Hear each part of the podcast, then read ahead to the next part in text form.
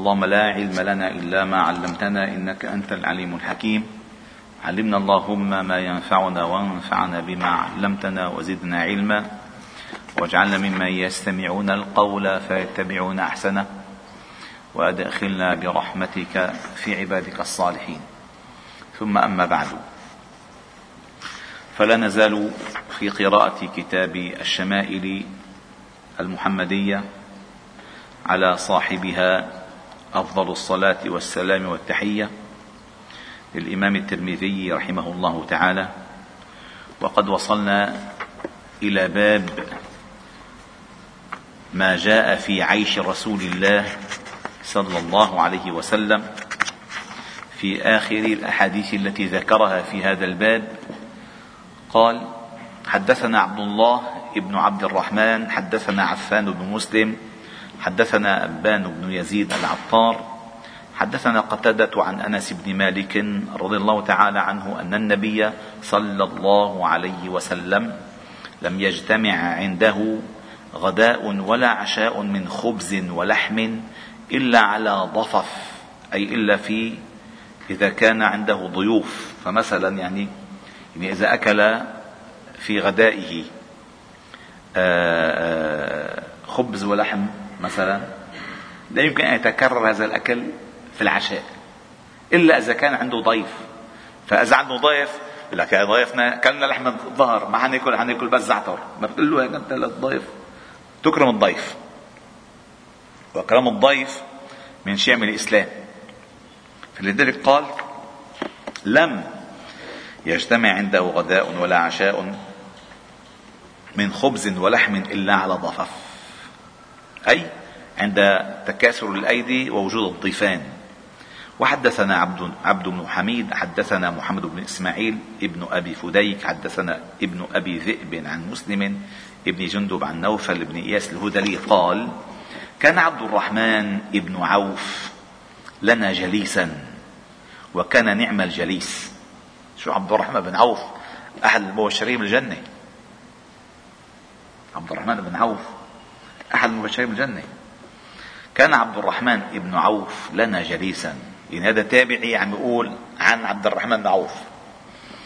قال كان عبد الرحمن بن عوف لنا جليسا. وكان نعم الجليس. لأن فعلا الرجل الصالح نعم الجليس. فالنبي صلى الله عليه وسلم قال لا تصاحب إلا مؤمنا ولا يأكل طعامك إلا كل تقي. فلا تصاحب إلا المؤمن اللي بذكرك بالله عز وجل إذا نسيت بعينك إذا ضعفت. هذا هذا المؤمن. يعني يرى نفسك يرى, يرى نفسه فيك. ويعامل الله تعالى فيك. هذا الأصل. فإذا كان جليسا صالحا والحديث المشهور مثل الجليس الصالح وجليس السيء كمثل حامل المسك ونافخ الكير. حامل المسك. فحامل المسك إما أن يحزيك يعني يدهلك وإما أن تبتاع منه وإما أن تشم من رائحته. ثلاثة ربحان يعني يا بتشتري منه يا بدهلك يا بشم منه ريحة حلوة.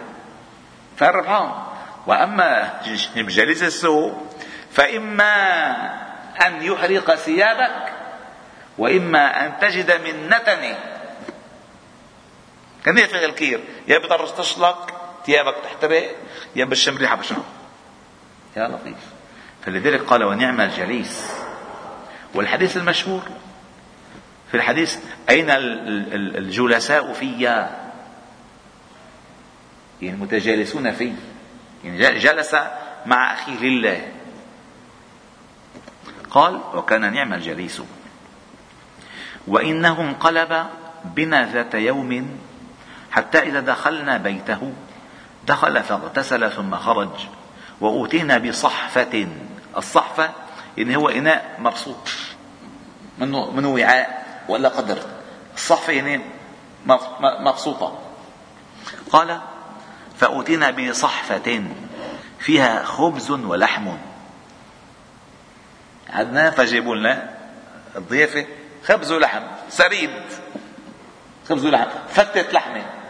شفت اللحمة هي خبز ولحمة قال فلما وضعت بكى عبد الرحمن بن عوف. فقلت يا أبا محمد وما يبكيك؟ وما يبكيك. فقال هلك النبي صلى الله عليه وسلم ولم يشبع هو وأهل بيته من خبز الشعير. فلا أرانا أخرنا لما هو خير لنا. يعني المرحلة هيدي ما يعني ما تأخرت الطيبات عن النبي صلى الله عليه وسلم. ووجدت لنا لشيء خير لنا ابدا. لو كان فيها الخير لنا كلش لألو؟ قال فلا أرانا أخرنا لما هو خير لنا. فلو كان خيرا لنا لعجلت لنا في عهد النبي صلى الله عليه وسلم. فقد قال فمات النبي صلى الله عليه وسلم ولم يشبع هو وأهل بيته من خبز الشعير وتأتينا التفاصيل بعد قليل. ثم قال باب ما جاء في صفة أكل رسول الله صلى الله عليه وسلم وفيه خمسة خمسة أحاديث. قال حدثنا محمد بن بشار بسنده عن ابن لكعب بن مالك عن أبيه قال أن النبي صلى الله عليه وسلم كان يلعق أصابعه ثلاثا أي عند انتهائه من الطعام. لم تعرفوا من زمان لا يأكلوا بمعلقة ولا بشوكة ولا بإيديهم. بإيديهم. فعندما ينتهي من الأكل شو بده يعمل؟ يلعق يلعق. وقالوا فيها البركة. قال أبو, أبو عيسى كان يلعق أصابعه الثلاث. حديث صحيح. وحدثنا الحسن بن علي بسنده عن ثابت عن أنس رضي الله عنه قال كان النبي صلى الله عليه وسلم إذا أكل طعاما لعق أصابعه الثلاث. لعق أصابعه الثلاث. وحدثنا الحسين بن علي بسنده عن علي بن الأقمر عن أبي شحيفة رضي الله عنه قال قال النبي صلى الله عليه وسلم أما أنا فلا آكل متكئا. يعني شيء متكئا يعني كأكلة الملوك والمتجبرين. هيك فهمت أما هو الأكل بيأكل بيقعد مثل ما مثلنا الجلسة قبل هلأ إما أن يجلس جلسة الصلاة وإما أن يجلس جلسة الاعراب وإما أن يجلس جلسة اللي بيرفع على اليسار إيه؟ بيقعد بيرفع اليمين وبياكل وبيقعد وبيتكئ على اليسار. إحدى جلسات الأكل. أما الاتكاء وحطوني وطعموني ما في منها هيدي عنده.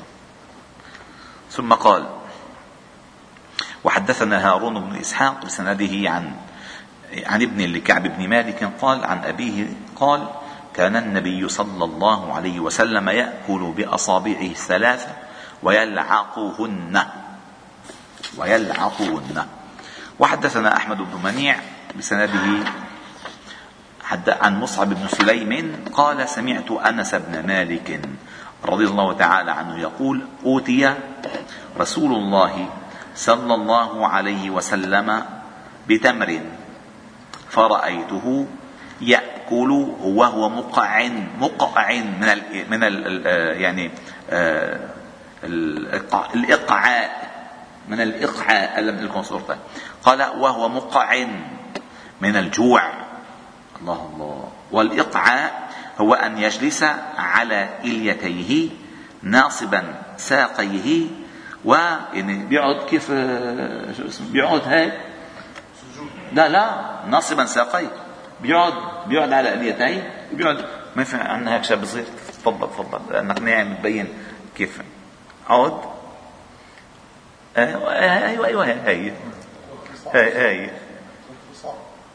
لا غير هيدي الاكل هيك نصب ساقيه وقعد على اليتين لك اليتين على الأرض وساقيه مرفوعين هيك. وياكل. هيك يعني هذه من الجلسات اللي بحق تاكل فيها. لا هو ذكر كل الجلسات. هذا اسمه الاقعاء الإقعاء. شكرا. بس ما في تمر معنا تمر قال من الجوع. ليش من الجوع؟ لأن هذا دليل إنه لما بيشد على بطنه بيذهب الجوع. سبحان الله. صلى الله عليه وسلم. والحمد لله رب العالمين. سبحان الله وبحمدك نشهد أن لا إله إلا أنت نستغفر إليك وصلي وسلم وبارك على محمد وعلى آله وأصحابه أجمعين.